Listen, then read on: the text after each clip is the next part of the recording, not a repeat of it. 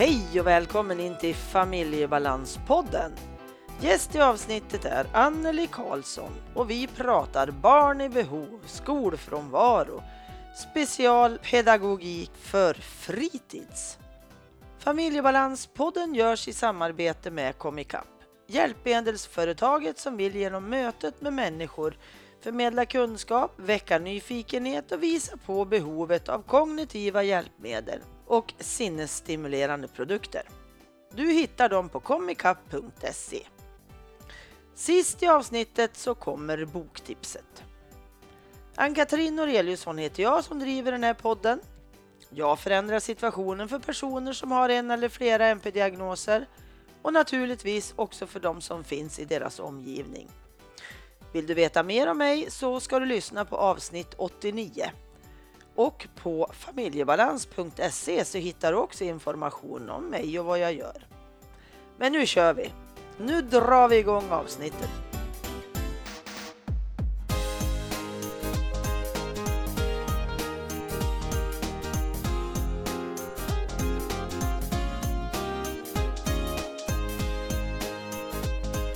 Hej Anneli! Hej! Välkommen till Familjebalanspodden. Ja, tack så mycket.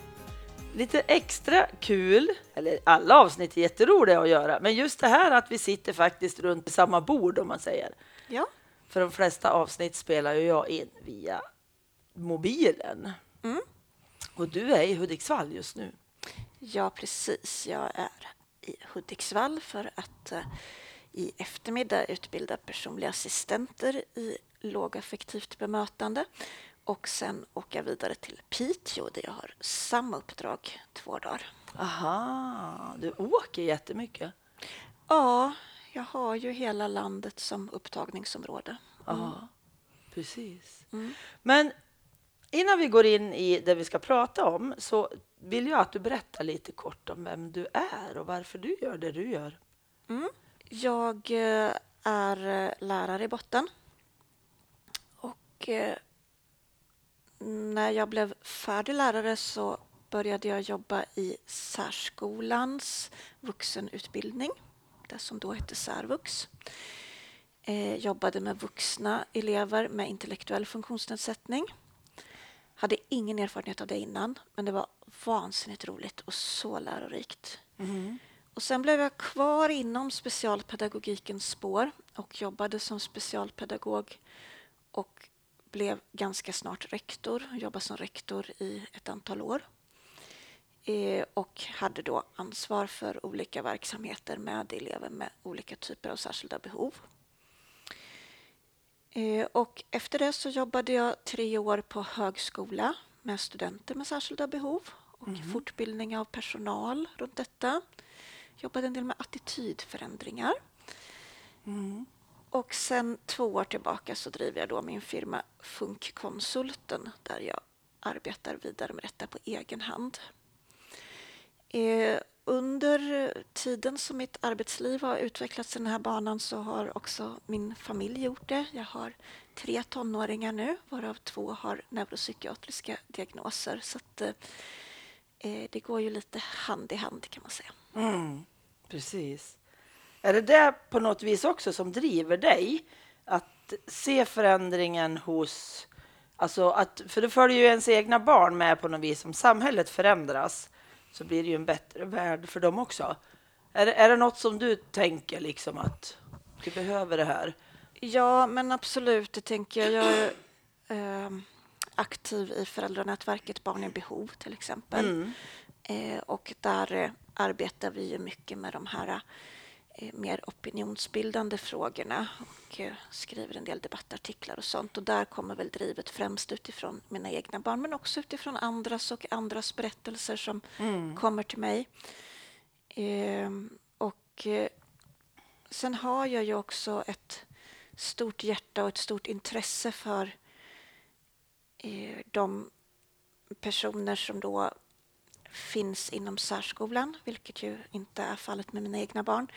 Eh, och sen i daglig verksamhet, boende och så vidare för att jag eh, har följt dem nu i så många år och har mm. fått många goda vänner där som jag ser ibland får sämre förutsättningar och då drivs också den här kampandan på hos mig. Mm. Jag tänker, du sa Barn i behov. Mm. Det är ju en grupp på Facebook. Mm. Är det så? Ja, alltså det är ett föräldranätverk som bildades för sju år sedan när resursskolorna i Stockholm var väldigt hotade. Så det startade där. Mm. Sen så spred det sig över landet. Och precis nu när vi sitter här du och jag så pågår ju detta precis samma sak igen Ja, med ja. resursskolorna i Stockholm. Så nu går det liksom tillbaka igen. Va? Men eh, Barn i behov är ett föräldranätverk där vi arbetar med att eh, driva frågor för att göra det bättre för elever med MPF. Vi försöker hitta bra vägar till samarbete. Vi försöker alltid jobba respektfullt mot skola och andra instanser och jobba på goda relationer. Ibland möter jag i sociala medier att lärare och skolpersonal är lite upprörda på föräldrar till barn med MPF för de tycker att man är såna stridisar. Eh, och det kan man ju vara ibland av olika anledningar men jag tänker att det, för mig är det viktigt att betona att i Barn i behov så står vi verkligen bakom att vi ska samarbeta och inte motarbeta för då tycker vi att då är det kört. Ja. Så det är det som eh, utmärker oss från en del andra nätverk. Mm. Ja, jag Eh. håller fullständigt med dig. Mm. Vi måste vara på samma planhalva. Vi kan inte slåss emot varandra. Hemmet och skolan, det går inte. Nej, och jag tänker att eftersom jag har jobbat väldigt länge i skolans värld så har jag ju också sett hur det liksom har fungerat när man, när man jobbar mot eller när man jobbar med. Mm. Eh, och eh, jag kan ju säga att jag i många situationer som rektor varit med om situationer där man har träffat vårdnadshavare som haft en oerhört tuff erfarenhet av skolan och kommit in och varit eh, ganska negativa och ganska hårda i sina attityder. Då tänker jag att då måste man som skolpersonal ta sitt ansvar och känna att det är jag som är på jobbet, jag ansvarar för att den här relationen ska bli bra eh, och så behöver vi jobba utifrån det tillsammans. Det tycker jag är jätteviktigt. Ja, jag håller fullständigt Och det, det är liksom ett ansvar från både skolans och föräldrars håll och vi kan inte hålla på och kasta skit på varandra för då kommer vi ingen vart. Nej, och vi, vi, många gånger så pratar vi om just det här med att eh, vi ska ha barnen i fokus. Mm. Men det blir inte alltid det, utan det blir ett, ett krig ovanför barnets huvud. Mm. Vi säger att det är i fokus, men vi tappar liksom det fokuset, både skolan och föräldrarna ibland. Eller föräldrarna, visst strider ju, för jag ser ju mig också till förälder. Ja, Jag hör ju inte till skolan så, men, men just det här med att vi får svårt att kommunicera när vi inte liksom kliver ur den här ilskan på något vis, utan att även då vara lite lågaffektiv där, tänker jag. ja men absolut. Att vi behöver liksom förstå, hur ska vi nå någonstans? Mm. Hur gör vi det på bästa sätt? Är det genom att slå näven i bordet så kopparna hoppar? Mm. Eller är det att vi, vi lämnar den där ilskan utanför dörren och så försöker vi vara kreativ? Ja, precis. Jag tänker att det som vi kanske behöver göra tillsammans med skolan är väl att ta den här eh, ekonomiska striden som just nu påverkar skolor väldigt, väldigt mycket. Ja, Eh, för att som förälder så kan man ju ha stor förståelse för att eh, rektor kan inte göra de här eh, sakerna för mitt barn för då håller inte rektor budget. Samtidigt så vet vi också att, att det ska ju vara skollagen som styr och det vet ju rektor också. Och jag tänker att det är en fruktansvärd situation att hamna i som skolledare och liksom dras emellan eh, de här två delarna. Så där behöver vi ju tillsammans fortsätta och än mer idag än för ett par år sedan synliggöra behovet för våra politiker för att det är inte hållbart som det är nu. För det som händer nu är ju att många barn och ungdomar slås ut och då kommer de kosta oerhört mycket pengar för samhället i längden. ja. Och jag tänker vi kanske ska ta varandra i hand istället, föräldrar, skola, rektor, och gå till politikerna. Ja, precis. Hellre göra den resan än det här kriget som ofta uppstår, att vi vi slåss och är arga på varann. Och det led... Jag förstår att man är arg, självklart. Jag har också varit arg. Mm. Men inte i mötet. Där är det ingen idé att visa sin ilska, för den, den når ingenstans. Nej, precis. Och det, det är ett ansvar vi behöver välja att ta, tänker jag. Det tänker jag på en av principerna vi har inom det lågaffektiva, där vi har ansvarsprincipen. Och eh, Bernhard Weiner som där har sagt att den som tar ansvar kan påverka. Och det är ett citat jag ofta återkommer till i mina tankar. För att det, det är liksom då vi kan göra skillnad. Om vi lägger energin på att eh, klaga eller vara arga på saker som ändå inte går att göra någonting åt, då blir det ingen skillnad. Nej. Nej, det, det här är jätteviktigt, tänker jag. Just det här med hur ska vi göra skola och hem? Hur ska vi samarbeta för en riktigt bra framtid? För Det, där, det handlar jättemycket om det, tänker jag. Ja, precis. Faktiskt. precis. Men du nämnde lågaffektivt bemötande. Mm. Det är ju något som är i ropet idag, eller vad ska jag säga? Ja. Det, det är jätteviktigt, men nu har det ju kommit en del åsikter om att nej, vad är det här för tjafs? Vad ska vi hålla på och fjanta och inte liksom göra någonting? Ska vi bara låta det vara? Och det skär ju i mina öron när man säger så, för det är ju inte det lågaffektivt bemötande är. Nej. Men jag skulle vilja att du berättar lite mer om Ja, jag försöker att se det som en, en väldigt lång process när man ska implementera och börja arbeta med lågaffektivt bemötande. Och att man ser det också som att det är en del av allt arbete man gör, att det inte är precis bara det här vad händer i stunden när en person jag arbetar med blir upprörd, utan det är så mycket mer. Vi jobbar dels med det som händer i stunden med att hantera. Och då hanterar vi på ett väldigt aktivt sätt. Eh, och inte alls så där att vi släpper greppet som vi ibland eh, lågaffektivt missuppfattas för, utan man arbetar mycket, mycket aktivt. Och sen så utvärderar man hur det har gått och sen jobbar man och förändrar och ser hur man kan förebygga så att det inte händer igen.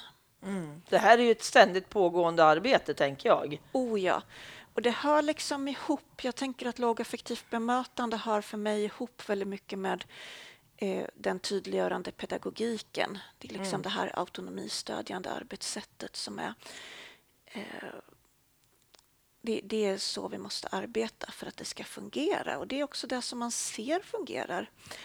Eh, och vi kanske ska säga något om de här missuppfattningarna som har, har Ja, blivit men gör också. det. Precis. Ja, jag tänker att de missuppfattningar som har blivit eh, det har främst varit en skola som man har pratat om. Där man införde detta, sa man, fast man hade ju inte implementerat. Nej. Utan man sa att man hade infört eh, och av olika anledningar så blev det så att det som hände var att man backade och blev passiv som personal. Och då blev det mer våldsamma situationer och det blir det ju om man blir mer passiv som personal. Men just den skolan har ju vänt tillbaka nu och, och fått en ordentlig implementering och kan då se nu hur det fungerar istället när det är som det ska. Så det är jättehärligt att höra och man kan ju önska att media skulle plocka upp den biten Ja, också. men precis. Ett tips till media. Kan vi lyfta det här vändningen i den här skolan, tänker jag. Ja, Det vore väl alldeles strålande att få se hur det fungerar när det verkligen är lågaffektivt. Ja, precis. Jag tänker så många verksamheter som det fungerar i. Eh, men att vi måste jobba med implementeringen ordentligt. Det räcker inte att två i personalen har varit på en föreläsning utan man behöver ha en ordentlig fortbildning, man behöver ha handledning och eh, man kanske behöver ha lite bokcirklar. Man behöver liksom ta med sig det här i hela sitt arbetssätt. Men det är ju så, precis så det Mm. är. För jag tänker, jag pratade med Elinor Tonner på eh, Källbringsskolan också Ja. här. Och det är ju precis det här. Alltså vikten av kunskap, tänker jag, Mm. som vi också har pratat om lite du och jag. Det är ju så oerhört viktigt att all personal får utbildning. För det räcker ju inte att fyra går, eller så två som du sa. Så ska den berätta för de andra. Alltså det funkar ju inte. Nej, och jag tänker, jag utbildar ju mycket på skolor. Och då brukar jag önska mig när jag kommer dit, det är inte alltid det fungerar så, för ibland har olika arbetsgrupper och olika chefer, men jag brukar önska mig att alla är med, åtminstone på en grundutbildning. Mm. Och då snackar jag alla, det vill säga skolbusspersonal, eh, vaktmästare, Ja. Bespisningen, bespisningen och biblioteket. Ja, alla runt Ja. omkring. För just de här servicepersonalen är ibland de som blir den som ser en, en elev som verkligen behöver bli sedd Ja. mm, och kan göra jättestor skillnad.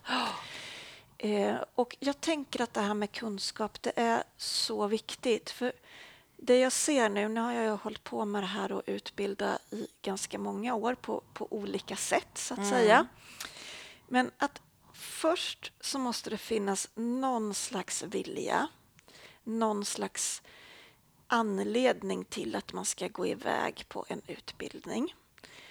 Är det så då att man ligger i konflikt med en chef som säger att nu ska du gå på det här för det här behöver du lära dig mer om, då är det inte säkert att man är så mottaglig för den utbildningen. Nej. Så jag tänker först måste man på något sätt ha någon slags motivation till att man går på en utbildning, för då blir man mottaglig för den. Och sen vill jag helst då att alla ska höra samma. Och så ska man få in den här kunskapen och då behöver man också förstå mycket runt omkring. Jag tänker om man ska prata lågaffektivt så behöver man också ha lite grund i det här med funktionsförmågor. Vad är det som händer? Vad är det som gör att det blir svårt? Likadant om man ska prata tydliggörande pedagogik. Vi behöver veta varför. Vad är det som gör det svårt hos de här personerna?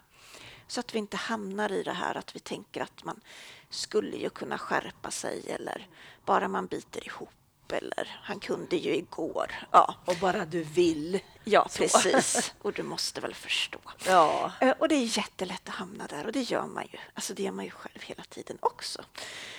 Eh, Men så jag tänker att få den grunden så att man får veta varför man ska ha det och sen så får man utbildning. Och när man får den här utbildningen så att man tar till sig det ordentligt då kommer ju förståelsen för personerna som har olika typer av behov. Alla har vi olika typer av behov, men, men behov som är något utöver det vanliga. Och när vi har fått den förståelsen då får vi empatin och vi får också en, en förmåga och en handlingskraft att ta tag i det. Mm. Mm. Och då blir det inte svårt. För jag kan ju förstå den här känslan när man inte har så mycket kunskap och så sitter man där till exempel i skolan med en klass med 30 elever. Och så kommer det liksom bara en sån här specialpedagog, sån där som jag är själv, Ja, precis. farandes och säger att nu ska du göra så här för Kevin, du ska göra så här för Alicia och du ska göra så här för Kim och Ali ska du komma ihåg det här med. Det blir ju skitjobbigt för sen så har man den klassen i en timme och sen kommer nästa klass och då ska man göra si och så och si och så. Men har man fått det här från början och man dessutom tänker att man kan jobba övergripande med eh, en tydligt sätt att arbeta så att man kan ta bort en del av de här små duttanpassningar på var och en så, så blir det så mycket lättare. Och bara vi har fått kunskapen så att vi har fått förståelsen så blir det inte lika svårt. Men den kunskapen måste vi nå ut med. Jo, men just det här att bygga en stadig bas, tänker jag. Ja. Att vi har en baskunskap hur, hur vi fungerar, vi människor. Och speciellt då när jag inte har en automation eller sådär på en mängd olika saker i funktionsnedsättningar.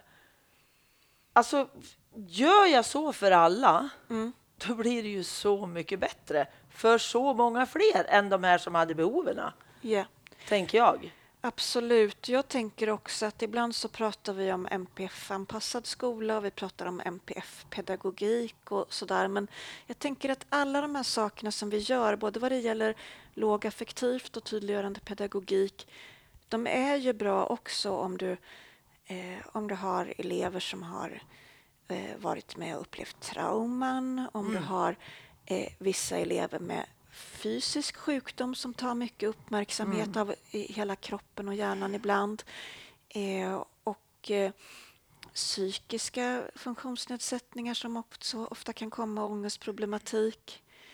Eh, eller om det helt enkelt bara är under en tillfällig stress. Jag tänker om du har föräldrar som ligger i skilsmässa eller du har ett, haft ett dödsfall i släkten eller det har varit en stressig helg eller så du bara upplever du bara det där som de flesta av oss går igenom eh, under en svår period som heter puberteten. Ja, Så ja. kan du också behöva ha väldigt mycket tydliggörande. Ja, och jag tänker alla de här sakerna du berättade om nu, det är ju det som är en klass. Ja, absolut. Hela tiden. Ja, Och alla elever har behoven emellanåt. ja. Mm.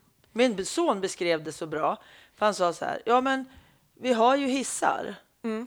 Och det är ju en, en bas då som alla kan använda. Mm. Men den som inte behöver, behöver den inte. Nej. Den bryr sig inte. Nej, den stör inte. Nej, den stör inte ett dugg för den som inte behöver den. Men Nej. den finns där för den som behöver den. Ja, Och det är ju precis. så man kan tänka, tänker jag. Absolut. För behöver inte jag det här förtydligande till exempel att det finns en tavla där alla lärare kanske finns på bild Mm. och det kan vara en jättetrygghet för ett antal på den här skolan. Men några behöver inte. De behöver inte ens titta dit. Det är inget problem liksom. Nej, det stör inte dem. Nej. Nej. Och det är väl så vi behöver lära oss att tänka, tänker jag. Mm.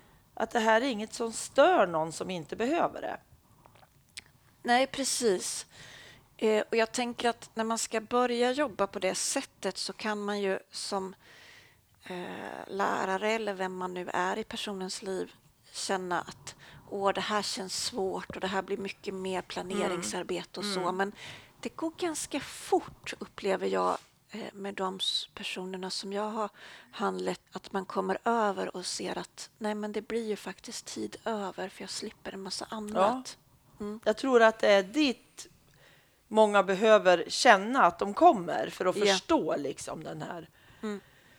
Eh, att det blir en lätthet istället. Mm. Det blir enklare. Absolut. Så. Vi pratade tidigare också lite grann det där om vikten av kunskap. Mm. Och då pratar du också om olika steg. Mm.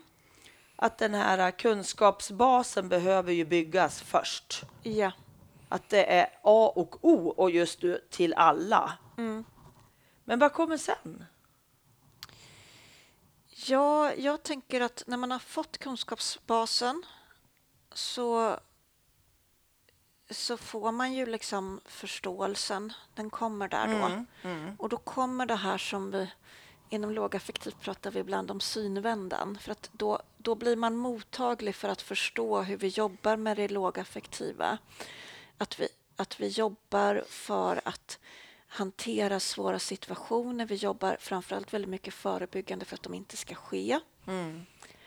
Eh, och att vi, Eh, vi ser vad som händer. Vi jobbar väldigt mycket för att få ner stressnivåer, få ner affektnivåer. Och det förstår man att man ska göra när man har fått den här kunskapsbasen på ett annat sätt. Mm. Men jag tänker att denna kunskapsbasen behöver finnas först och den, den kan ju se lite olika ut. När jag får förfrågan då så är det ofta sådär att kan du komma och prata om NPF-diagnoser? Och då tänker jag att det kan vara en sån kunskapsbas för då Mm. slänger jag in lite eh, annat om det här med den tillfälliga stressen och så vidare också så att man Mm. ser att det är till nytta för fler. Mm. Ja, men precis. Mm. Jättebra. Mm. Jättebra. Men sen har du ju lite annat på gång också. Jag vet Mm. att eh, just nu så, jag vet inte, är har du skrivit boken färdig? Specialpedagogik för fritids? Ja, den är färdig. Är den det? Ja, sista korret är gjort nu och det är Okej. ju fantastiskt skönt såklart. Ja. Eh, Det är den första boken som jag har skrivit helt på egen hand så det känns lite speciellt. Ja, det förstår jag. Det är en grundbok som tanken är att den ska vara väldigt lättläst och lättillgänglig. Och eh, den handlar om hur vi kan arbeta på fritids runt de här eleverna som har olika typer av särskilda behov. För fritids är en verksamhet som jag ofta ser blir lite bortglömd. Jag tror, Mm. Eller kanske inte bortglömd. Den blir väl kanske lite skolledarnas dåliga samvete. Mm. Mm. Eh, Det är en verksamhet som inte har riktigt lika tydliga mål vilket gör att det blir i de här pressade budgetsituationerna så blir det ofta så att man försöker plocka lite från den verksamheten för att kunna uppnå mål i skolverksamheten. Mm. Eh, och den verksamhet som man inte alltid har så mycket planeringstid och man satsar inte lika hårt på den överallt ska jag säga. Nej. Men det finns de som gör. Eh, och jag ser också att fritids är en verksamhet som för en del elever med MPF till exempel så är det det bästa som finns för det är fritt och det är inga, inte så mycket krav. Och de tycker det är jätteskönt. Men för en del är det den svåraste delen av dagen. Mm. Så det, det kan se olika ut där och olika behov. Så i den här boken så går jag igenom en del om olika funktionsnedsättningar. Eh, jag går igenom eh, funktionsförmågor, vad det är som gör det svårt.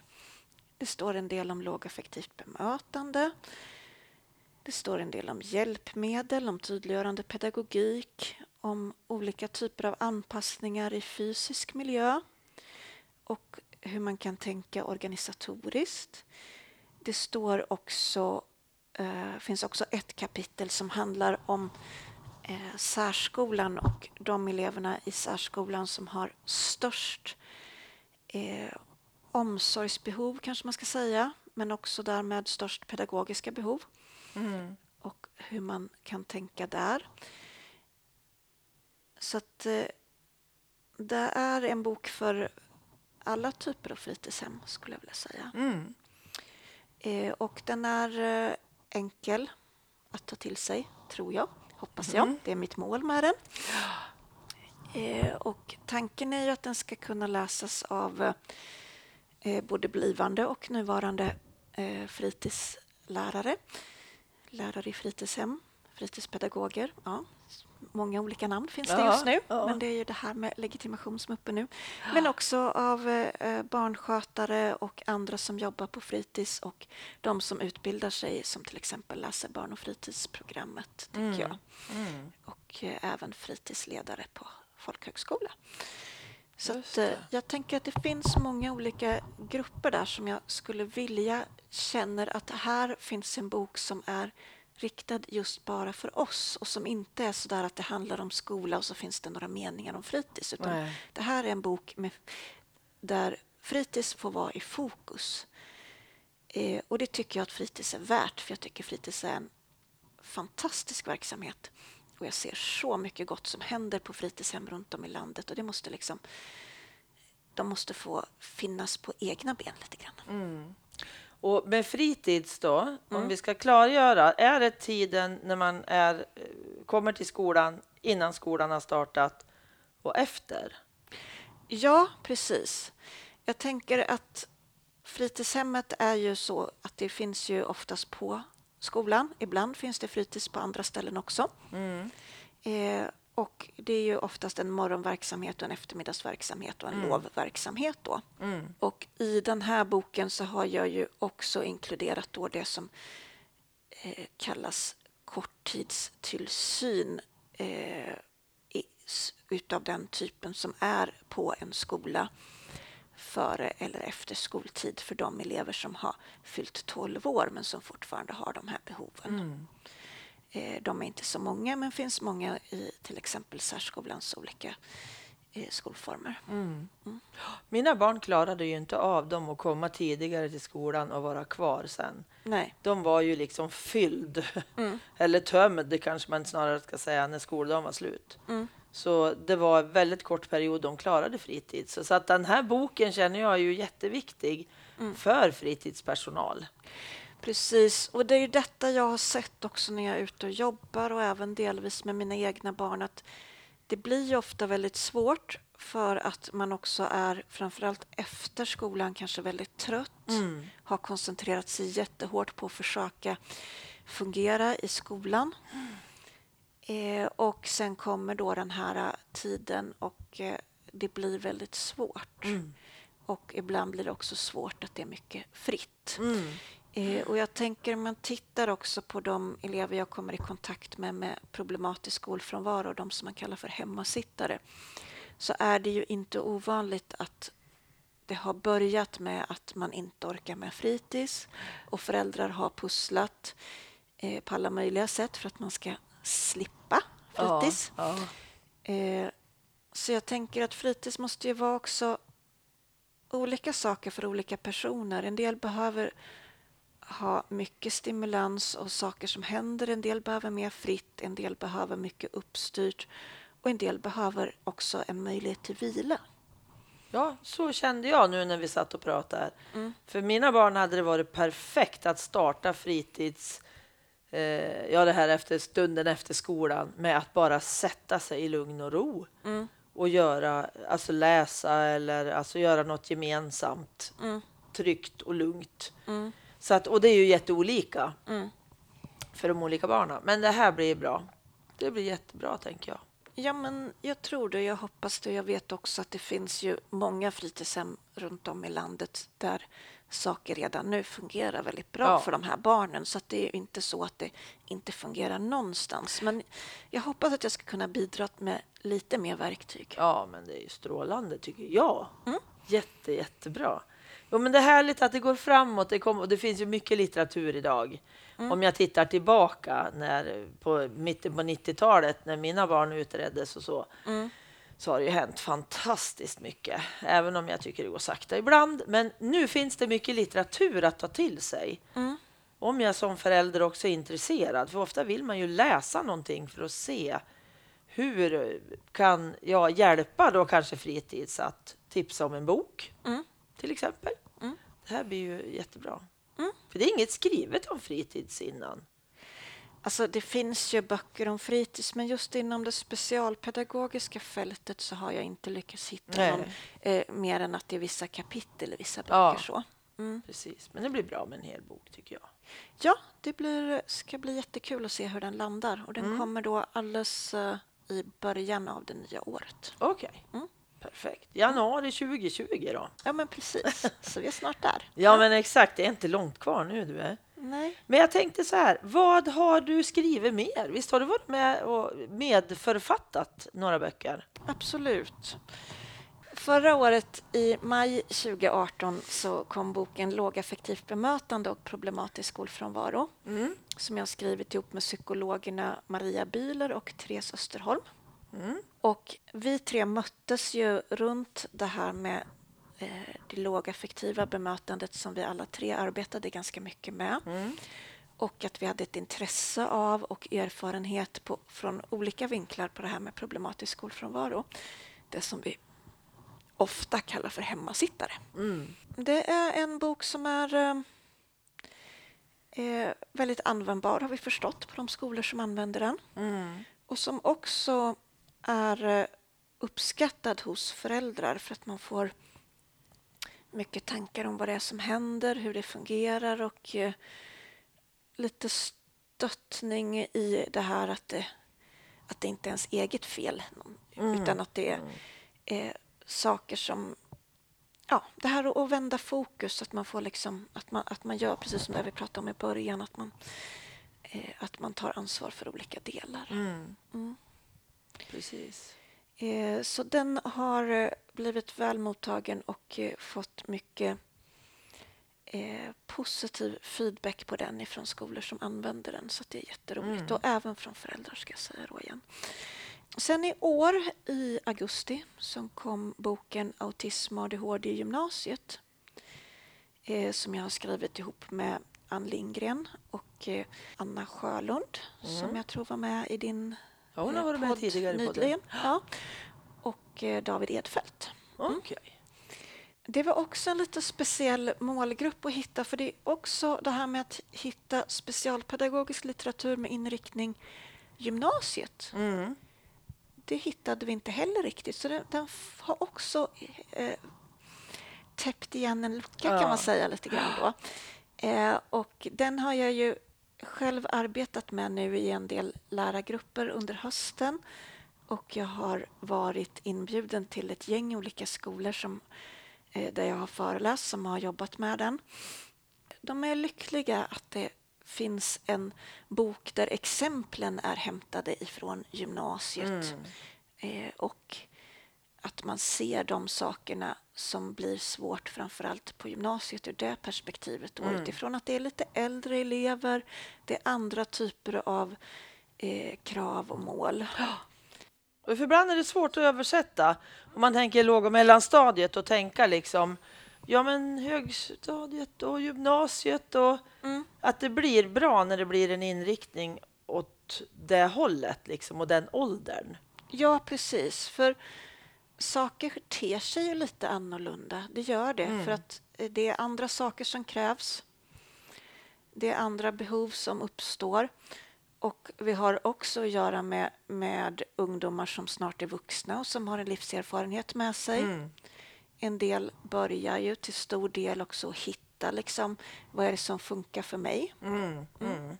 Precis. Ja, nej, så det är de tre böckerna som jag har skrivit. Okej. Mm. Spännande. Roligt tycker jag med alltså författande. Jag skriver ju på en bok själv fast den är mer inifrån perspektivet i våran familj för att lyfta ut att, och berätta om att man kan överleva. För genom att mina barn är vuxna idag och vi lever fortfarande hela familjen fast det har varit väldigt många tuffa år Mm. så hoppas jag att kunna ge hoppet liksom till att det går. Mm. Och man blir klokare med åren, Mm. känner jag. Jag har ju förändrats jättemycket Mm. under de här åren med barnen och de svårigheter som har varit. Ja, Det är inte bara dåligt, tänker jag. Nej, absolut inte. Jag tänker utifrån mitt eget familjeperspektiv och också utifrån att jag har fått möta de människorna jag har gjort i mitt arbetsliv. Att jag, jag hoppas och tror att jag har blivit en mer ödmjuk människa Mm. eh, genom det. Och ja, en massa annat fint som har kommit med det. Eh, och jag tror att man ibland också... Det som jag tänker kan bli jobbigt för våra barn det är att de de kan tro att de bara är till besvär och att det Mm, bara blir mm. jobbigt och svårt för föräldrarna och jobbigt och svårt för skolpersonal. Men jag tänker att jag hade inte velat haft det på något annat sätt. Nej, jag, jag brukar säga ungefär så. Mm. Jag skulle ha, egentligen hade jag velat slippa se barnens lidande. Ja, men såklart. Men mitt eget har jag växt av. Mm. Alltså de svårigheter jag har mött och blivit tvungen att göra något av Mm. för att klara av att gå framåt, de har stärkt mig. Mm. Så det tycker jag att det har jag kunnat taga. Men just inte när barnen är så fruktansvärt utsatta. Det har varit den jobbigaste biten tycker jag. Absolut, den är ju jättetuff. Eh, Men jag tänker på det här med att alltså, att, att se hur man ser på olikheter och Mm. uppskatta dem för det de är. Mm. Och att se alla människors förmågor. Mm. Det tycker jag är något fantastiskt fint. Mm. Mm. Verkligen. Har du något mer, Anneli, som du skulle vilja lyfta innan vi avrundar? Men jag kanske ska berätta om en, en grej som jag gör på jobbet också. Jag gör ju så mycket olika saker. Ja. Jag tänker på det här med förmågor och att se vad man kan när man blir lite äldre. Så eh, jobbar jag en del nu med något som heter Tekniksprånget. Tekniksprånget är ett projekt som ett långvarigt projekt som eh, drivs av Ingenjörsvetenskapsakademin där eh, ungdomar som har gått natur eller tekniskt på gymnasiet och klarat det eh, har möjlighet att söka en fyra månaders betald praktik inom ingenjörskap för att se lite grann vad ska jag bli när jag blir stor, vilken inriktning ska jag läsa om jag ska läsa en teknisk eh, linje på högskolan och så vidare. Mm. Och det jag gör i detta då det är att vi nu, nytt från i år 2019 eh, gör ett litet sidoprogram som heter Tekniksprånget plus eh, där vi tar in eh, personer som precis som de andra har gått och klarat av natur eller tekniskt på gymnasiet men som har behov av lite särskilt stöd Mm som inte skulle kunna tillgodogöra sig Tekniksprångsprogrammet utan lite extra. Eh, Och det har visat sig att de som söker och vill ha den typen av stöd det är oftast de som har en eh, autismspektradiagnos. Okej. Eh, Så att det jag gör där är att eh, innan de ska ut på praktik så träffar jag dem och eh, går igenom noga vad de tycker att de behöver och ger lite förslag. Och så träffar jag praktikplatsen och går igenom. Vi är jättenoga med matchningen. Och sen är jag ofta med på introduktionen. Eh, Och en del av dem har bett mig att också prata med hela arbetslaget innan de kommer. Strålande. Eh, och det ger vi alltid som förslag, men det beror på om man vill det eller inte. Så att det här eh, är ju, har ju varit en pilot nu, men kommer fortsätta. Eh, så jag passar på att skicka med det här lite grann nu för att vi har möjlighet att ta emot fler ungdomar som behöver den här anpassningen. Okej. Vad ha, behövde de ha i grunden sa du? De skulle ha läst... De ska ha gått natur eller tekniskt på gymnasiet Ja. och ha slutbetyg där. Eh, och ha ett intresse för att studera vidare eller för att ja, hitta vad man vill göra. Okej. Vart kan man bo? Ja, eh, just nu så är det eh, så har vi två stycken sådana som mig, det är jag och sen är det Lena Henriksson i Stockholm eh, som tidigare varit med här i podden är den som sköter det från Stockholmssidan. Sen har vi några stycken som vi roddar lite grann på distans. Okej. Eh, Men jag tycker absolut att man ska titta in på Tekniksprångets sida på nätet och se om det här skulle kunna vara intressant. Mm. Eh, För det är eh, det har visat sig gå väldigt bra och eh, ger en ny insikt om vad man vill göra och hur man kan göra sen. Så det är ett jätteroligt uppdrag tycker jag som då har ja, men som själv har gått tekniskt på gymnasiet och som har jobbat på teknisk högskola och Mm. eh, ja, Jättekul. det är ett fantastiskt roligt uppdrag. Mm. Ja. Och ett väldigt, väldigt bra program. Ja. Så det kallas då för Tekniksprånget plus. Mm. Okej. Då får man googla på Tekniksprånget. Precis. Ja. Mm. Så kommer man dit och så får man läsa lite. Och... Mm. Finns det någon ansökande eller kontakt skulle jag tro. Absolut. Mm. Och även när det inte är öppen ansökningsperiod så kan man ta en kontakt och tala om att man har eh, lite mer stödbehov så har vi möjlighet att ta in en annan väg. Mm. Jättebra. Mm. Hur många är det som, har, som ni har hjälpt via Tekniksprånget? Alltså, vi har... Eh, det här har bara varit en pilot nu så att nu i höst så har vi haft tre stycken deltagare. Mm. Sen har vi, kommer vi starta fler till våren som vi håller på och eh, roddar med just Mm. nu. Så att eh, det kommer bli fler och vi har fler som ligger i startgroparna så att säga. Mm. Och tanken är att jag ska hitta en utbildning eller en arbetsplats eller vad är Ja. liksom? Det kan ju vara så att man blir kvar på en arbetsplats under några år Ja. där man känner att man kan göra nytta. Eh, och eh, det kan också vara så att man vill läsa vidare på en teknisk utbildning. Mm. Och då kan man få lite hjälp med att se vilken typ av inriktning man ska välja. Mm. Eh, så det här är ju eh, Ingenjörsvetenskapsakademin då som, som gör det här. De drivs ju dels av statliga initiativ men också av teknikföretagen. För teknikföretagen de har ju en stor brist på arbetskraft.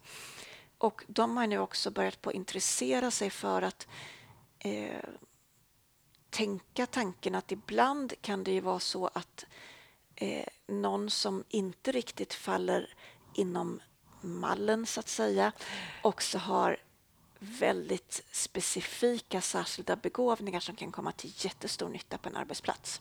Precis, och det är dit vi måste komma. Ja, så att det är ju så Åh, att härligt. som, som eh, tekniksprångare inom plusprogrammet så är man efterfrågad. Ja, Mm. ljuvligt att höra. Ja. Eh, Men jag kan också passa på att skicka med till lyssnarna att sitter ni där ute nu och är en till exempel en förälder som lyssnar och så jobbar man samtidigt inom ett teknikföretag och är intresserad av att ta emot en sån här praktikant så kan Ja. man också höra av sig. Ja, men precis. Mm. Jättebra. Mm. Nu känns det som vi har gått i många olika riktningar här Ja. under samtalet men det är lite så mitt arbetsliv ser ut och det Mm. var ju det som var lite grunden för, för samtalet och eh, ja, det är fantastiskt roligt att få vara med här och få prata om alla de här sakerna som jag är så där nördigt intresserad Ja, av. precis. Tusen tack Anneli för att jag fick besöka dig på ditt hotellrum här i Hudik. Ja, tack för att jag fick besöka Hudik. Ja, det- tack ska du ha. Ja, tack. Hej då. Hej.